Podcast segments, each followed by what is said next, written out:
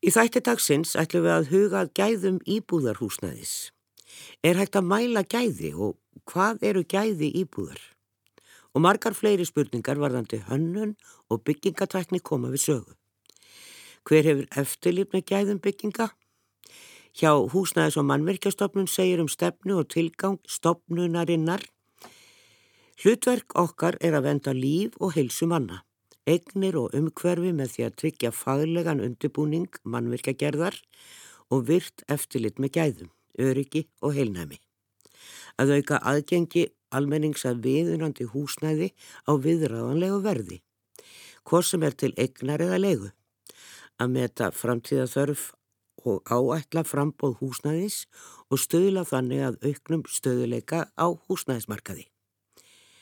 En er það svo? Er eftirfylgni nógu mikil. Við ræðum við tvo unga arkitekta í þættinum, þau Hildi Gunnarsdóttur sem skoðað hefur almenna íbúðamarkaðin í Danmörku og bórið saman við hagkvæmar íbúður hér á landi og Bjarka Gunnar Haldásson, arkitekt hjá Tröð sem leggur út frá skipulægi.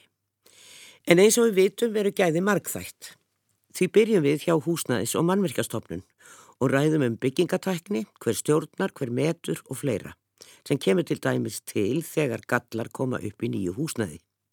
Við sláum að þráðum til Stefáns Þós Steindórssonar byggingafræðings. Hann var í sótkví og því var rætt við hann í síma. Við heyrim af því reglulega í fréttum að það eru er skemmtir eða mikla og raki og leki og allt mögulegt sem að kemur upp í nýbyggingum.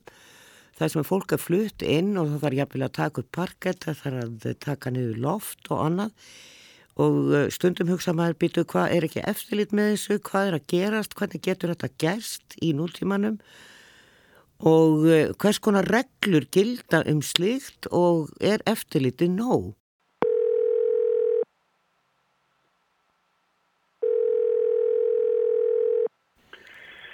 Eftirlitið eins og það er sett upp er allavega það er eins gott og hérna, hugsaðst getur í stöðun núna, það var breytt, það var gerð breytingar hérna fyrir nokkrum árum eða í 1. janúar 2019 þar sem að áfagútæktir voru færðar af höndum byggingafyrkjúa yfir á byggingastjóruna en það eitt og sér í rauninni svarar ekki spurningum vegna þess að gallar voru líka áður. En mannum finnst svolítið skrítið að færa þetta frá sem sagt ofinberu yfirvaldi yfir á byggingastjóra sem eru ráðnir mögulega af verktakarna með þess á sem framkvæmda aðila? Jú, jú, þessulega en hérna þetta eru fagaðilar og fagaðilum ber alveg sama fyrir hvernig þeir eru að vinna þá berðum að fara eftir lögum og reglgerðum og stöðlum og öðru slíku. Já. Það á ekki að skipta máli hver er, hver er greiðandi laununa þeina. Þú er fagaðili og þú hefur mentaðið sem slíkur Þannig að það má ekki horfa engangu í það sem, sem einhver skýringu en það getur jafnvel við að það sé einhver brotulegum hvað þetta varða en þá er, þá er það leifis, leifis, leifis veitindur eða eftirlt aðlagnir sem þurfa þá að grýpa inn í ef það uppkemstu um slíkt. Þetta fyllir fólk ekki trösti kannski að, að það sé aðili frá þeim sem byggir sem hefur eftirlit með byggingunni? Nei, nei, í fullkonum heimi þá, þá væri alveg óskildir aðilar sem væru með allt eftirlitið og, og það hafa byggingastjórar byggingastjórar á báðum áttum með þetta. Sumir hverjir telli þetta til, til hins betra og sumir til hins verra.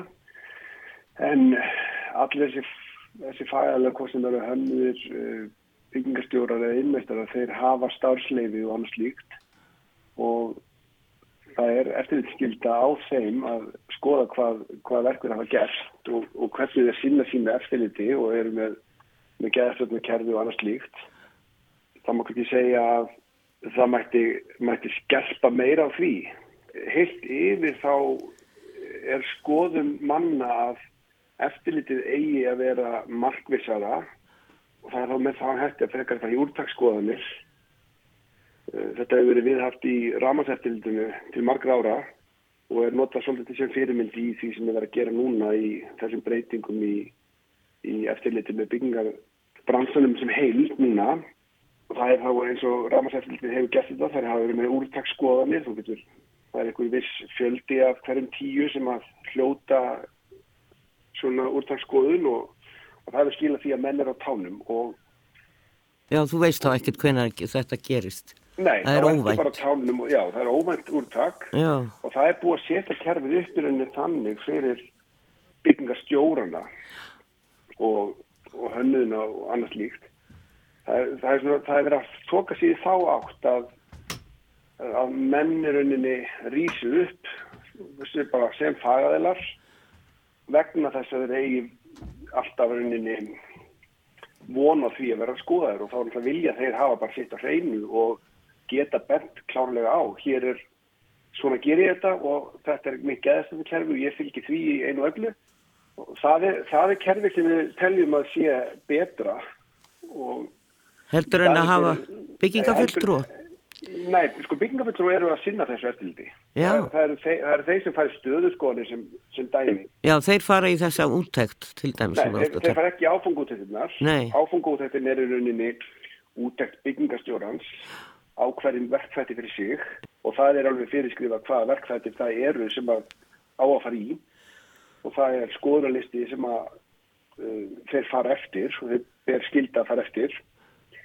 Byggingar fulltrúin sem slíkur hann, hann runnið tekur svo aftur á móti úttækt þar sem að hann aðtúar er byggingarstjórin að sinna sínum áfengútæktum er hann með yðmestarinn að skráða eða yðmestarinn skráður að verkið og annars stíkt það er, er stöðuskoðin eða stöðu útæktin sem að byggingar fulltrúin fer í Já, ég skil og þann, þannig erum við með eftirlit á öllu og svo má ég gleyma því að það er eigandi húsnæðis sem er líka eftirlitsæðileg runni hann, honum ber ansi mikil skilda til að, að hlutni séu í, hann, honum ber skilda runni að, fyl, að láta allt þetta innra eftirlit gangu upp.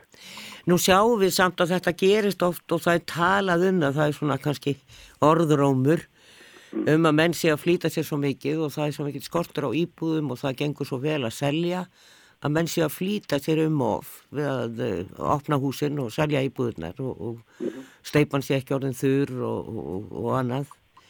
Og afleðingarnar eru þessar að það er verið að taka upp parkett í nýri blokk. Já, það er örglætt alltaf mörg dæmi um þetta.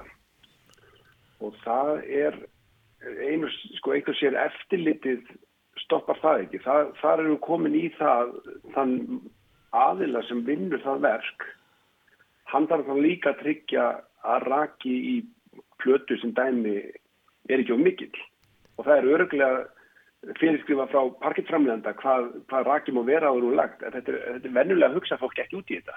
Fólk kemur með parkittið inn til sín og, og leggur það. Það er spurning að vanda til og lesa sér til um hlutina sem að fyrirskrifa frá framlegendum.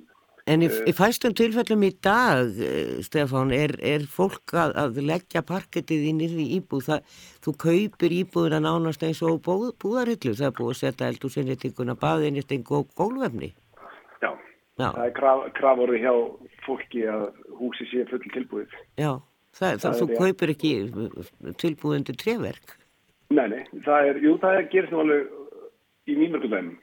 Já, er það? Í Reykjavík? Já, já. E, nei, kannski ekki í Reykjavík, við erum með Ísland.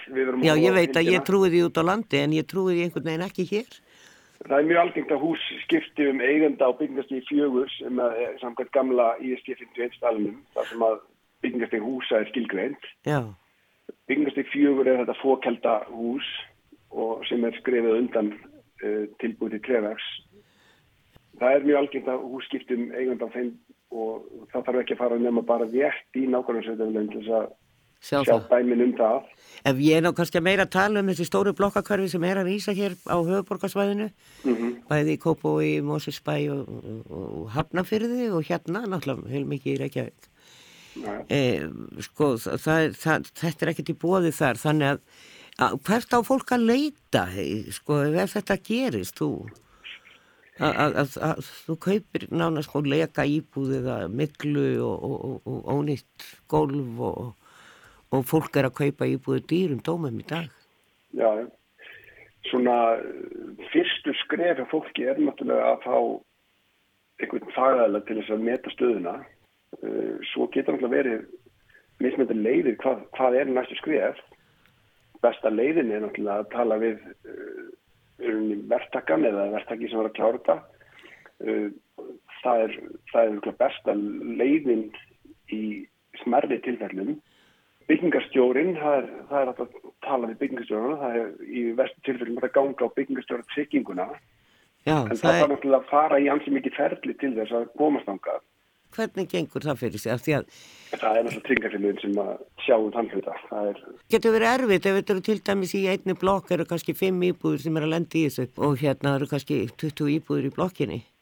Já, já. og þá náttúrulega skilum að svo sem að fólk verður reitt og, og það er ekki aðgangur beint af byggingastjóranum það eru tryggingafyrirtæki sem verður að svara fyrir og skoða en gæða eftirlitið, er það ekki þarna í lok áður en að íbúður eru seldar er, kemur byggingafulltrúi ekki að því að, ok, þetta er í fínu lægi, mæla þetta allt saman og þá má selja Þa, um, það er einhvern veginn ekkert þarna finnst manni Já, þarna, þarna sagði þú einmitt einmitt eitt sem er mjög algengur mislingur. Jú, jú, byggingafulltrúi kemur í svo kallar öryggsútækt og lokútækt. Þú, nefnd, þú nefndir mæla. Já. Útæktir byggingafulltrúi eru sjónskoðanir Já. og byggingafulltrúi mælir ekki einnig neitt. Nei.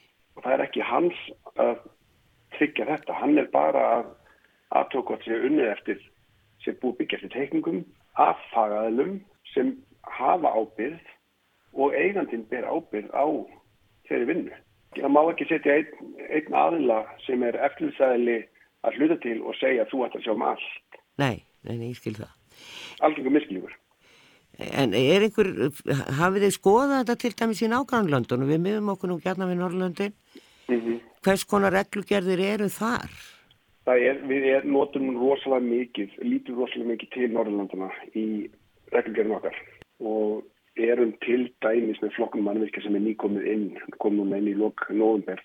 Það er, er svolítið kennlíkt því sem að gerist í eitthildamis og svo eru, eru nákvæmlega jafnvel með önnur kerfi sem að til dæmis snúa að sölum íbúða þegar við erum að selja íbúð þá ertu með matsmann sem tekur út íbúðina og seljandi jafnvel ber ábyrða að flytta til með eða komið upp gaflar og slíkt. Við erum ekki komið þarna eh, hvað, hvað það var þar. En þetta eru, þetta eru alls hluti sem að kannski verið verðt að skoða. Er, fyrst að setja upp meira, meira eftirlit með. Þess að svona eins og hlutinir er nú skrifa, eða setja saman í kerfunni þá, þá er þetta fastegnarsali sem að, sem að selur. Það þekkast dæmi líka erlendis að það séu fúsitt með fastegnarsala sem kaupandi og fastegnarsali sem seljandi og þetta er, það er, það er spurning hvaða kerfi virkar fyrir okkur. Fólk getur ráðið sér sjálf náttúrulega matsmann en það mm. kostar náttúrulega eitthvað pening já, já. Til þess að taka út íbúð áður hún en keift en það er kannski freka gert við eldri íbúður heldur en slungun í er. Já, já, það er algengast að held að algengast kerfið á Íslandi eða, kerfið innan gæsanleppa er að þú hefur sambandið eitthvað, eitthvað frændaninn eða frænguðina sem að sem að hefur yðmyndun og það er andils að koma að skoða með þér. Það er svona, Já. það er mjög algengt að fólk gera þetta en, en það er andla ekki alveg skoða hvað hva var þetta skerp á þessu. Við viljum andla mikilvægt að, fá að Íslandingar geti keift húsnæði á góðu verði og góðum gæðum. Þannig að það er eitthvað sem við þurfum að einbita okkur af.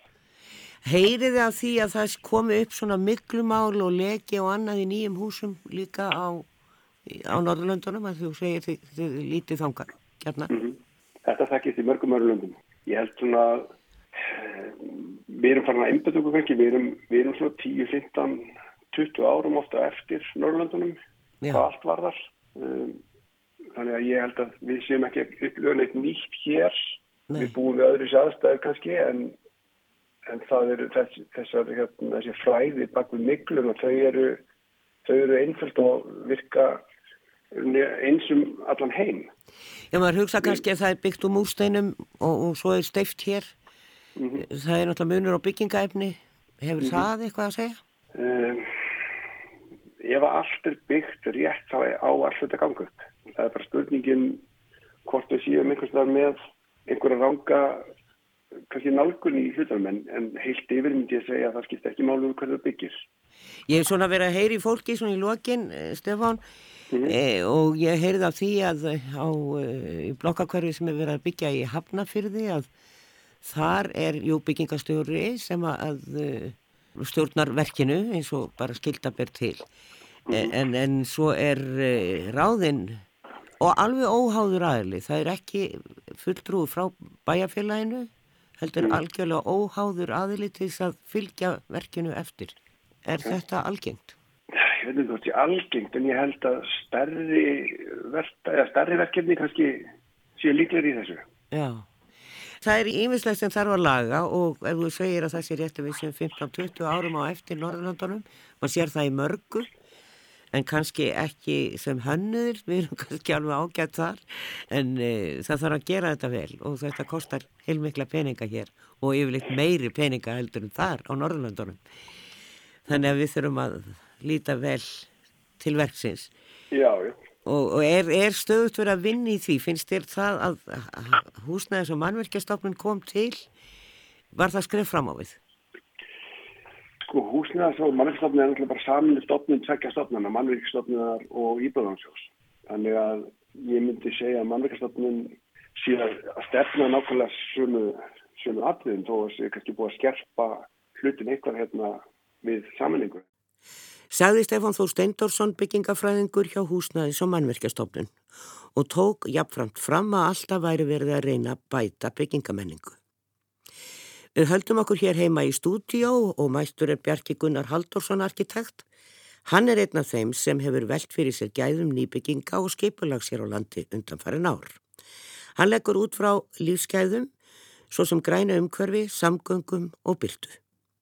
Bjarki Gunnar Haldursson er arkitekt og vinnur á teiknstofinni Tröð og svona einn af þeim sem hefur tjáð sér svolítið um gæði og, svona það er hópur arkitekta sem hefur verið að ræða þessi mála að gæða eftirlit og gæðin séu bara ekki nógu góð hérna á Íslandi.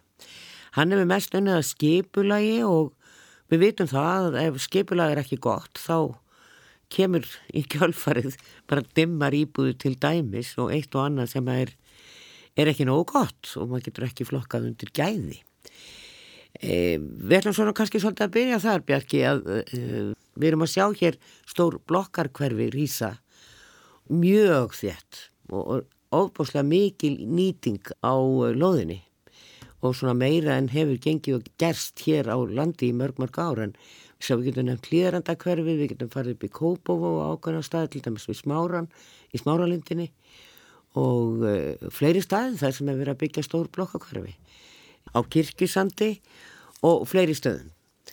Hvað viltu segja um þetta? Erum við að ekki að hugsa náðu mikið um hversum hátt og margar íbúðir og þjættleikin á þessum nýju lóðum sem er verið að þjætta byggðina. Uh, mikið rétt, þetta eru margar goða vangaldur og spurningar. Sko, þetta eru margir reytir sem eru í gangi Já. Og það er raun og veru erfitt kannski að, þú veist, aðhæfa um alla þróuninni í heilsinni eh, að því að maður er svona að skoða suma þessu nýju verkefnum og vera svolítið rína í bara hvernig hlutinni liggja og, og sumstaðar bara veist, sumstaðar bara viska hlutinir vel og öðrum stöðum kannski síður. Það sem hlutinni virka vel er kannski með það sem í raun og veru það tekst að hafa hæfilegt byggingamagn þú veist, af því að það er líka gott að hafa svo litið mikið byggingamagn til að fá upp svona bara íbúafjölda sem stendur undir í missu þjónustu í hverfinu og bara til að skapa hverfi verðum við alltaf að reyna að byggja pínuvildi þétt. En þú veist að byggja þétt er náttúrulega þú veist það er svo rosalega margt. Í sömum verkefnum hefur maður kannski séð þú veist að það sem eh, í svona þéttum byggingverkefnum þá eru bara húsin bóstalega mjög þétt, þau eru mjög djúb og þá eins og þú nefnir þá verður byrtan kannski ekki sérstaklega góð ef íbúðin er á neðstu hæð og, hérna, og kannski er byggingin 15 metra djúb það er svo segir að hérna, það kemur niður á einhverjum gæðum. Já, þetta eru náttúrulega mörg og mísum hverfi. Vogabíðin og veit ég að Tröð tók þátt í skipurlagningu þar. Mm. Ég hef náttúrulega ekki farið nýlega en ég hef búin að fara alltaf nokkur sinnum inn í hverfið og það verist vera svona svolítið e, að þetta sé til dæmis kannski ekki vandamál þar, það getur verið eitthvað annað. við erum að sjá allir að heklureiturinn verður mjög þjættur það búið að byggja náttúrulega blokkakverfið þarna bara í, fyrir ofan hlem í holdónum þar Já, einholt, þverholt. Mhm, hefnast mjög vel hérna, til dæmis á búsetta þetta stingar mann svolítið í augun og svo horfir á stóru blokkina sem er þar eiginlega á móti það sem að, á hampiðureitnum gamla. Já, þar svona, veit ég ekki alveg hvort að, að, að það sé sömu gæði í öllum íbúðum. Þetta er mjög mísamt já, einmitt það er bara Já. rétt, veist, þannig að það er stundum bara, og maður er bara svolítið að bara, held ég að fara að borga versiuna og, og fara og skoða plönin, sko, Já. til að sjá bara raun og veru hvað manni finnst og, og ég var svona að sk- skoða þetta núna áður en kom og bara gæðir náttúrulega líka meir, margt meira en byrta, sko, það er bara raun og veru, veist, hvernig bara innra skipulega er leist og kannski, þú veist, eins og ég sá í nýlum íbúðum, þú veist, ég- á þessum uppbyggingarsvæðum að þá kannski eru bara svona einföldi hlutir bara eins og að þú gengur mynd af klósitunni inn í bólstofana þú veist, þá sagði ég dæmi um það sem ég finnst bara mikil skortur á gæðum þegar það er. Já, þó það, þá er kannski búið, að- sé kannski búið að uppfylla einhverja reglugerði þá svona það er ekki skemmtlegt en svo er annað í þessu, það er raun og veru kannski að við tölum um þetta á skipulag stíi að þú veist stundu tölum við oft og mikið um bara íbúðir sem einhverjar fastegnir og mikið um íbúðina sjálfa kannski meira en að bara hugsa þetta sem heimili. Og þú veist hver er rammi heimilisins? Hann auðvitað næri alveg út fyrir sko veggi íbúðurinnar inn í bara almenningsrými eða sammeili rými blokkarinnar. Og mér finnst þessi hlutir allir skipta miklu máli e, fyrir þessar íbúðir hvort að þú veist sammeili rýmin sé til dæmis góð af því að þú veist það er náttúrulega þar sem við raunum veru við kynumst nágrunum okkar spjöllum um daginn og veginn. Þar finnst okkur við kannski eiga heima þú veist ekki bara inn, inn í íbúðinni bókstallega og þetta er eitthvað sem þarf að huga að, að því að ég, ég bý sjálf í blokk sem er byggð 1956 já, og ég, bregður næstum með ef maður hittur einhvern á ganginum. Ég tala nú ekki með maður í þóttahúsinu og þá býður ykkur gott kvöld. Maður rekkur alveg já, en, en af því að maður hittir aldrei neitt og það ég veit ekki þessar gamlu blokkir er einhvern veginn þannig að ég, og ég hef búið í mörgum. Að, að maður virðist aldrei hitta neitt en það, þetta er eitthvað sem er kannski hægt að, hafa, gera öðruvísi þannig að fólk hittist eða það er eitthvað sem laða mann að einhverju svæði sameiginlegu svæði. Já, ég held það og ég held að þetta sé svolítið fyrst mér Vist, veginn, þetta, þetta er svona atrið sem við veist ekki verið að skoða nógu vel stundum í bara uppbyggingarverkjanum og þarna eru vanýtt tækifæri til býja í gamanli blokki miðbænum þú veist frá 1928 og það er svo sem bara venjulegu stegagangur en hann er bara allavega bjartur og það er einhvern veginn samt tekst einhvern veginn að vera lífatna og kannski líka því að þú veist það er bara hérna atvinnustar sem er á jærðhæðinni og hérna það er einhvern veginn alltaf einhvern veginn lífi kringum ingangin kannski svo ég nefni annað dæmi um þú veist því ég bjó í London og þá er mitt bjó ég byggu við í hérna svona halgjörum raðhúsum sem náðu samt fjóra hæðir upp sko. Já, og allar íbúðina voru bara mismöndi að stærð og svo var eitthvað samíðilegu garður, aðkomagarður fyrir framann það var svona fimm eitthvað neginn svona fimm raðhús svona saman. Og þarna tókst var alveg ótrúlega mikið svona nágranna líf og hérna og þá held ég að rauninu verið þú veist að samíðilega svæði hafa haft ótrúlega mikið að segja. Og einhvern veginn líka þú veist gerðin á íbúðunum að það voru svona mismöndi gerðir það var mis, mis, mismöndi fólk sem kom. Og svo sko eftir ég að búið þarna þá byggum við halvt ár í bara ven, svona svolítið vennulegri blokk sem er bara eitt stegagangur, allar íbúðuna jafn stórar. Og þar hitti maður þú veist, aldrei neitt, þar var ekki neitt neitt.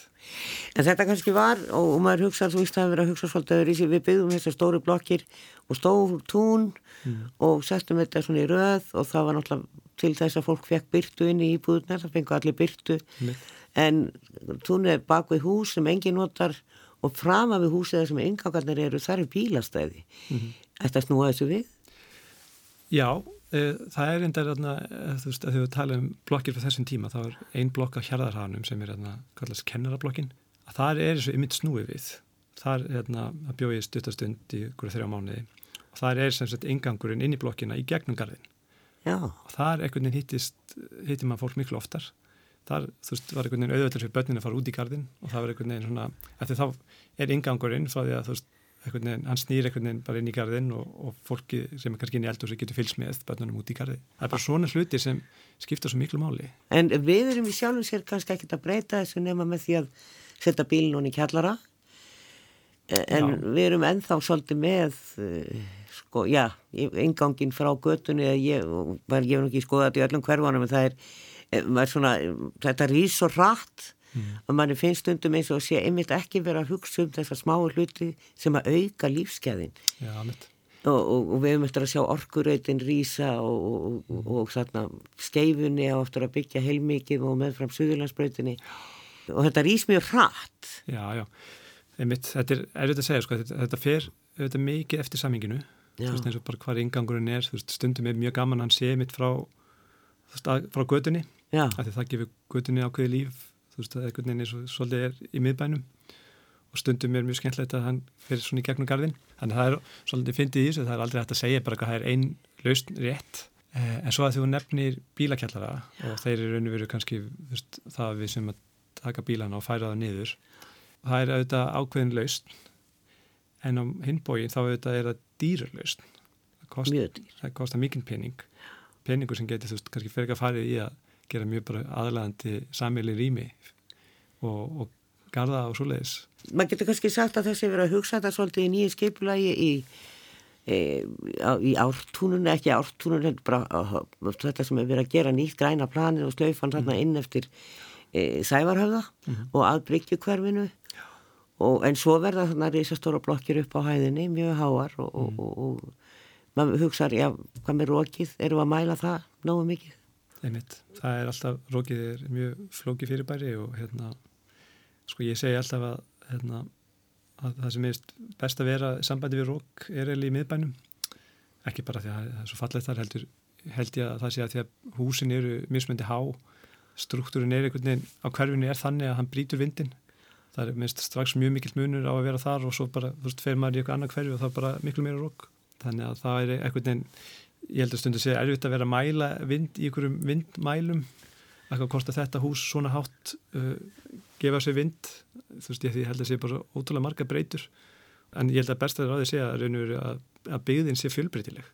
Já. að það sé ekki öll hús jafnhá og það er náttúrulega líka, svolítið, ef byggðin er fjölbreytileg þá er hann líka fjölbreytileg þá er hann líka oft skemmtilegri En það er, sem sagt, við erum samt að fá og eh, eins og við heyrum Stefán Þór Steindórsson, byggingafræðing hjá HMS segja frá að það er, ég veit ekki hvort að þetta er rétt, veist, við erum að gera þetta svona, byggingastjórin sjálfur er með eftirlit með því sem er verið að byggja mm. og hann er eh, yfirleitt ráðinn hjá þeim sem er að framkama verkið, verktakanum, fjárfestinum Já. og þar með svona, skapar það tortrykni hvernig sko, þegar þið eru að tala um gæði ungir arkitektar hér á Íslandi e, þá erum við að tala eins og við erum búin að vera að tala um skipulag og byrtu og, og, og almenningssvæði, gæða lífsgæði en e, svo erum við að fá svona gallaðir íbúðir sko, ónýttu parkett í splunkunni íbúð eða af því að það steipa margjörn og þurr. Já, eins eldús, allar íbúðunar eins það eru allar gráar með hvítri eða svartri innriðingu og, og, og það búa einhvern veginn allir eins. Ég, ég held að sé hverki eins mikið af eins íbúðum eins og á Íslandi.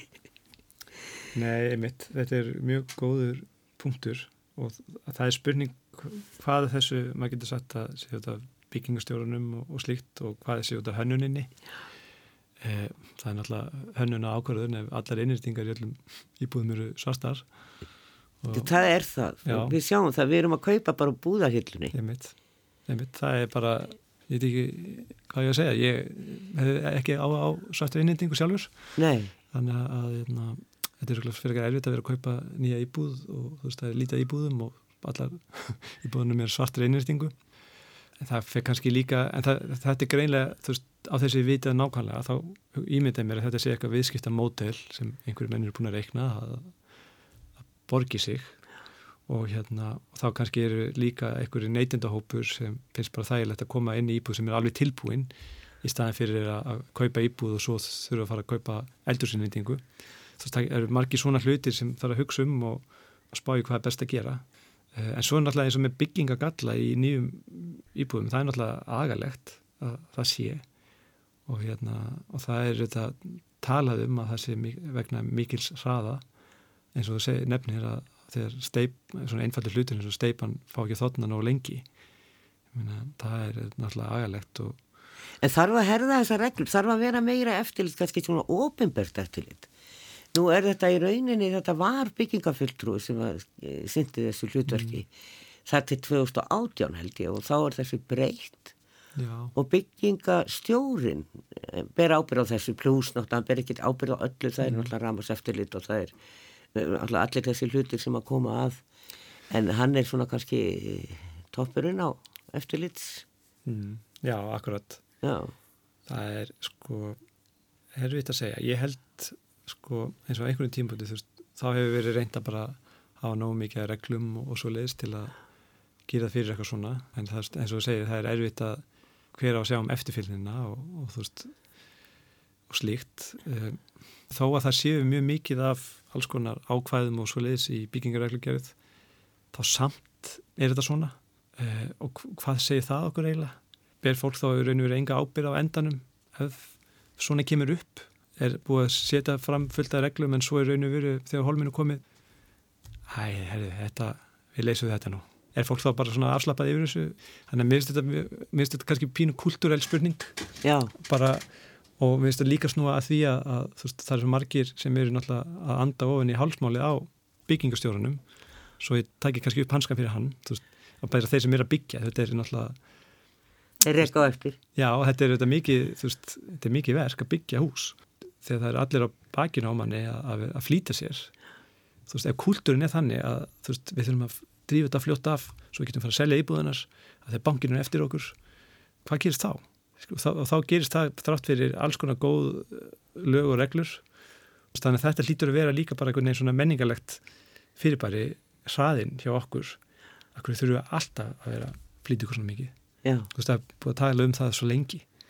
Akkur eru allar þá, kostnæra allir með við það að þetta bara gerist 1 fyrir 3 og ekkert fyrir úrskeiðis. Mér veist skrítið. Þannig að ég held að þetta sé snúið, snúið líka að einhvern veginn svona bara einhverjum siðum að venju.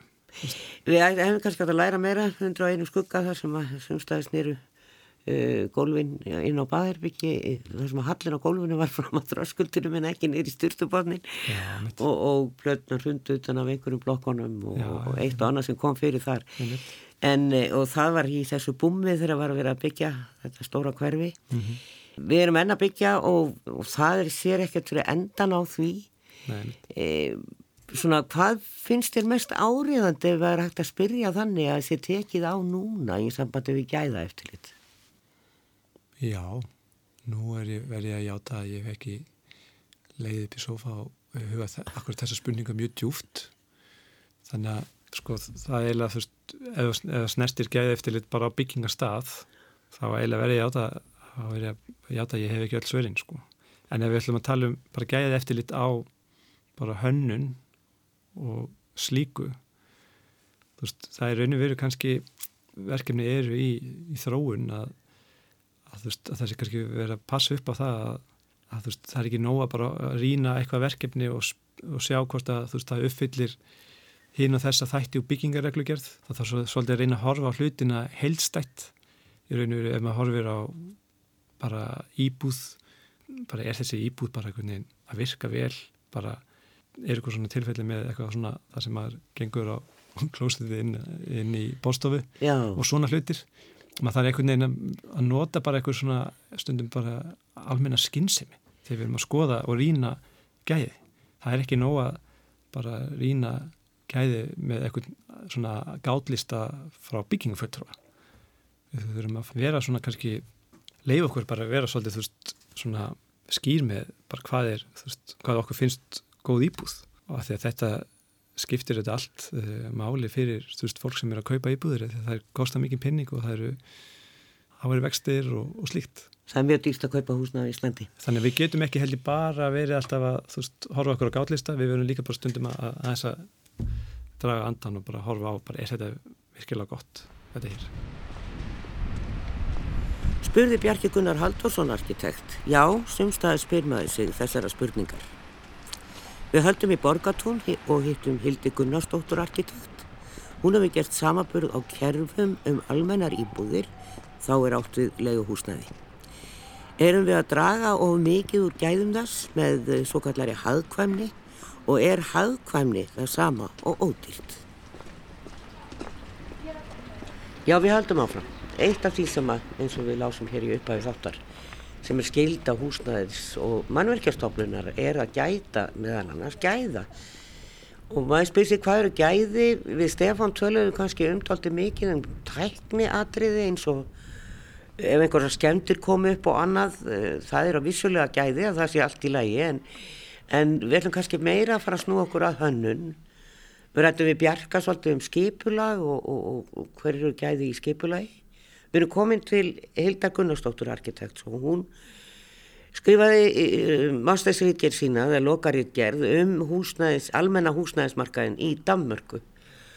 Og við ætlum að forvitna staðins um það og hún hefur svona tjáð sér líka um svo kallað hagkvæmt húsnæði sem er verið að byggja hér á leikumarkaði eða fyrir leikumarkaði e, þá er kannski stærsta félagi bjarg en svo eru náttúrulega önnur leigufélug, búsett er með leigu íbúðir og almenna leigufélagi þeir eru svo sem ekkert að byggja en þeir eru með íbúðir á sínum snærum sem þeir leigi út. Stórt leigufélag.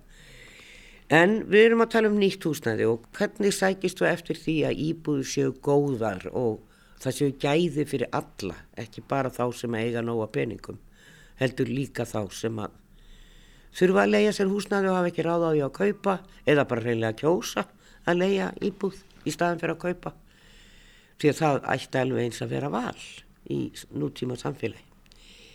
Hildur þú náttúrulega skoðaði þetta mjög vel í Danmörku og uh, vilt meina að það sé svona kannski, ekki kannski heimin og haf en heilmikið á milli þess sem við erum að byggja og þeir er að gera.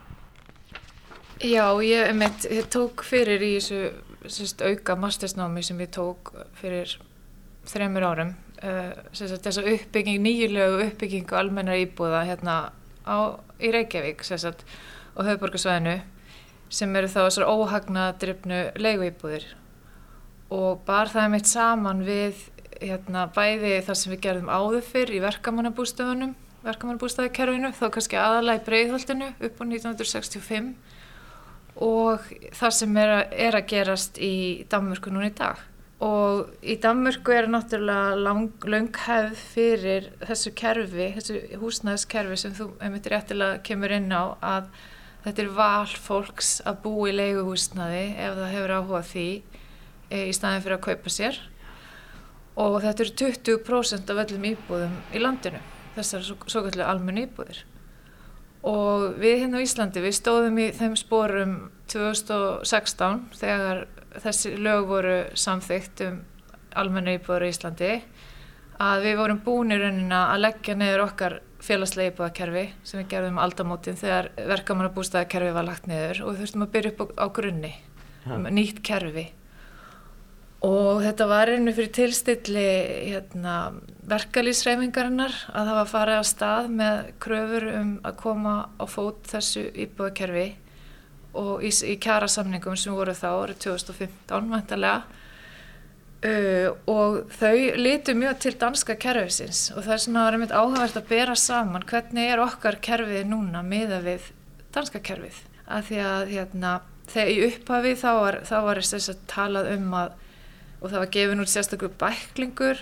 hérna á vegum ASI sem hér danska leiðin, ný félagsli húsnæðistefna og þar voru markmiðin útlistuð að það ætti að vera næjalegt frambóð af félagslu húsnæði fyrir tekjuláður fjörskildur og þetta komi veg fyrir stjættskipt íbúaminstur og byggja upp aðlandi húsnæðislausnir fyrir breyðanhóp landsmanna.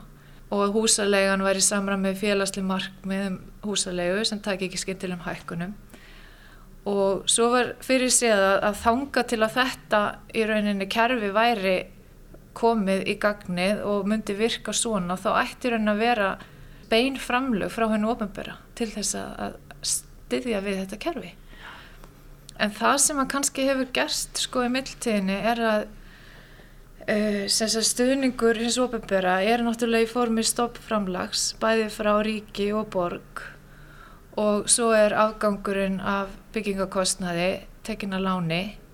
Ég veit ekki hvort að hann, þetta er, er næg, næg upp fjárhætt til þess að byggja rauninni bara íbúður eins og aðrar íbúður í borginni af því það er farið strax í einhvers konar sparnar aðgerðir og þar með er farið að, hérna, að aðgreina þessar íbúður frá öðrum íbúðum. Og sparnar aðgerðnar eru meðalans til þess að halda leigunni niðri af því það er líka talað um viðmið um leigu uh, sé helst ekki meir en 25% tekjum þeirra sem eru í kerfinu og það er búið að skilgrana þann hóp sem í ákvæmnu tekju og eignabili það sem við sjáum uh, sem erum að skoða kannski og ég sjá, sá í þessu verkefni mínu að, að það er verulega dreyið úr gæðum húsnæðisins til þess að reyna að, að byggja fyrir þessa upphæð sem er í bóði. Sko það er spurningum að því að þetta tekjumið að við tekjur fólks. Það er ekki þannig í Danmarku. Það geta allir sótt um íbúð, almenna íbúð til eigu hins vegar er erfitt að fá íbúð en, en, og það hefur nú alltaf verið þannig í þessum stóru borgum að það er erfitt að fá húsnaði á vegum borgarinnar en það er ekki verið að skoða hversu háar tekjur þú veist með, er það?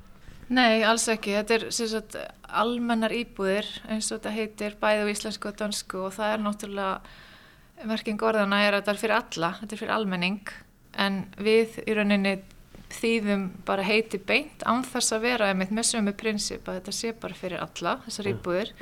Sagt, mjög mikilvægur hluti líka í, í danska kerfinu og mörgum öðrum stöðum líka er að íbúðunar sé ekkert að greina sig frá öðrum íbúðum í útliti eða gerð. Þannig að það sjáist ekki svona utanfrá séð að þarna eru íbúðir fyrir lægri tekihópa þetta er eitthvað sem að Danirni leggja mikið upp úr og gerir henni jafnmikla kröfur til þessa húsnæðis og annars húsnæðis sem er byggt í borginni. Myndu það skipta máli teilur hildur ef við sleftum þessum tekjumörkum? Því að eins og við tölum með mjög upp af það eru margir sem kjósa það bara hreinlega að leiði en ekki kaupa. Já, ég held að það myndi algjörlega hjálpa til og ég held líka kannski að á þess að vera einhver svona fjármóla hérna, sérfræðingur sko en þá er verið að borga upp íbúðun allt og rætt. Það er kannski bara ein fjölskylda sem að búið, eða tvær sem að búa þarna samfleytt í 40 ár. Það er raunin að borga allan stokk kostnað íbúðarinnar sem að verður raunin, þetta er sko samfélagslegur innviður sem við erum að byggja upp, nýtt húsnæðiskerfi og þetta ætti náttúrulega að vera langtíma fjárfesting. Bæði með tillit til hversu rætt lánin eru greitt upp og með tillit til gæða þannig að fjárfestingin bara endist vel og, og gagnist okkur til framtíðar. En hvað er helst verið að draga úr gæðum í þessum hagkvæmi íbúðum? Hvernig þá? Sko það sem ég tók einna helst eftir var að hérna áður fyrr þegar við ber saman þá verkamannabústaði kerfi í breyðhaldi er að þá var bara gengið inn í það skipula sem var, var fyrir hendi, það var búið að skipulegja bakkana á þessum tímanbili þegar það farið að stað þar. Og þá voru sagt, sex blokkir af 22 svona U-blokkum þeim var útluta til verkamannabústæðakerfisins og til Reykjavíkur sem félagslegt húsnæði.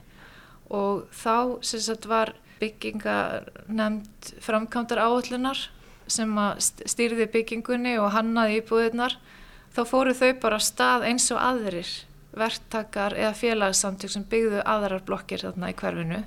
Bara skipulaði er alveg eins og það sést ekkit í dag heldur að það hafa einhver aðrir staðið af byggingu húsana heldur en hver sem er. Þannig að hérna og það sést náttúrulega líka í, í, í endursölu verða þessara bygginga að því að svo náttúrulega eftir að kerfi var lagt niður þá rauninni bara venjulegum egnar íbúðum og, og verkamannabústaða íbúðunar hafa bara þótt mjög góður í sölu. Og alveg frá því að verkamannabústaðinni við ringbröð voru byggðir. Og þetta voru raunin líka alltaf íbúðir sem að voru svolítið svona framsæknar. Þar voru með svona nýjungar og, og voru raunin vel hannaðar. Verkamannabústaðinni við ringbröð og þekki alveg flesti söguna því hvernig hérna, nágrannar og vinir mætti heimsum til að fara í bað af því það var svo fullkomið baðherbyggi í þeim íbúðum meðan við aðra íbúður hérna á þessum tíma.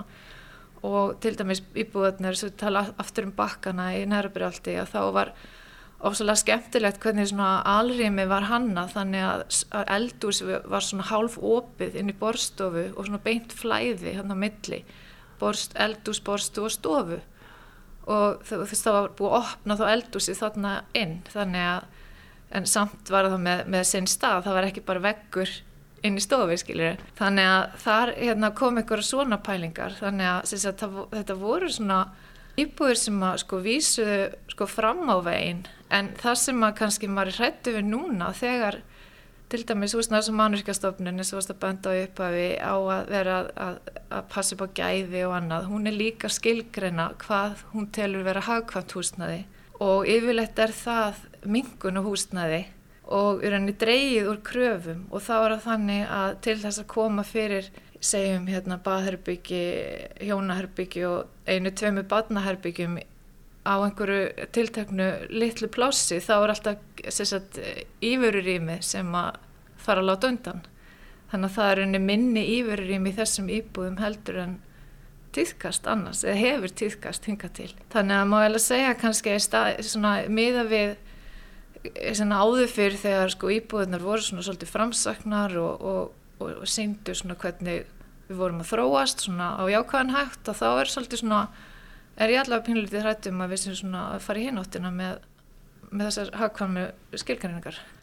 Þetta er náttúrulega, já það er dreyið úr fermetrafjöld og annað, það er ekki gangur og það er ekki geimslur, já. þetta er svona aðladrein og svo eru náttúrulega, maður hefur heyrt kvartanir af eldhúsin að þau séu, þetta er bara veggur inn í stofu mm. og lítið skápaplás og það skiptir engum málu hvort að búi einn í rauninni stúdíóýbúð eða fjaramanna fjölskylda sem að gefur huga leið að það þarf meira græðum og, og þetta hefur sem sagt, fyrstir, þetta er sem sagt, ég löstur eða að segja þetta er, þetta er ekki gæði.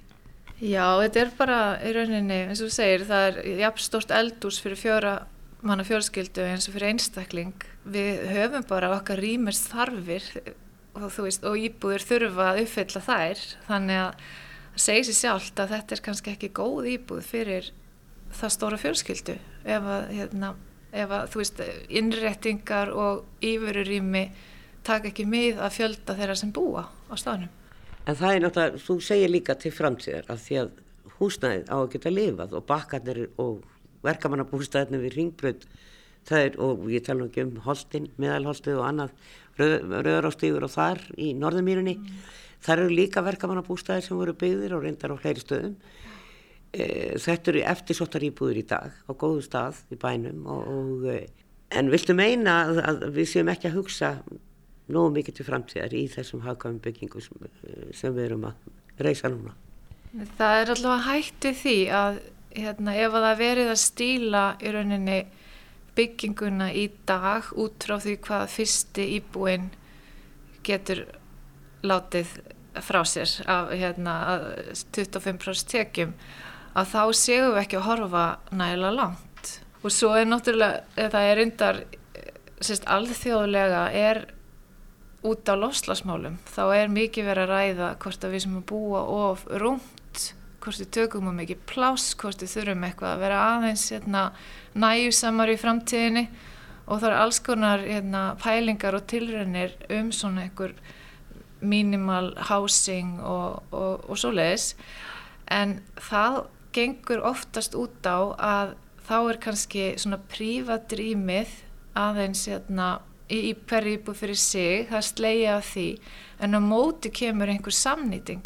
Þá kemur kannski eitthvað samilegt rými sem að húsfélagið hérna, á saman sem danir eru náttúrulega fræði fyrir að vera með eitthvað svona felles hús þar sem að þau geta borðað og það eru verkstæði og gróðurhús og vinnu aðstæða þannig að þá kemur það í staðin og það er mjög hérna, virtir arkitektar eða virt arkitektastofa sem heitir Vennkunstan sem er með síningu í hérna, Damas Design Center akkurat núna um þetta. Þá eru þeir raunin að skera niður húsnæði eins mikið og þeir trista sér til en koma þá á móti með einhver svona sameila nótkunn og nota beni húsnæði sem er teikna það er náttúrulega hannað alveg út í gegn og það eru óbúslega gott geimsluplás í því þó það sé lítið.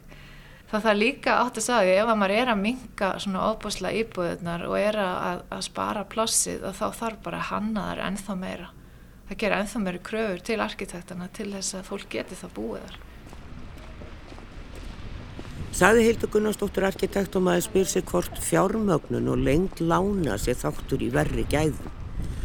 Því alltaf erum við að flýta okkur Við höldum áfram í næsta þætti og reynum að ná yfir fjármögnun og fleira varðandu uppbyggingu íbúðarhúsnaðis á Íslandi.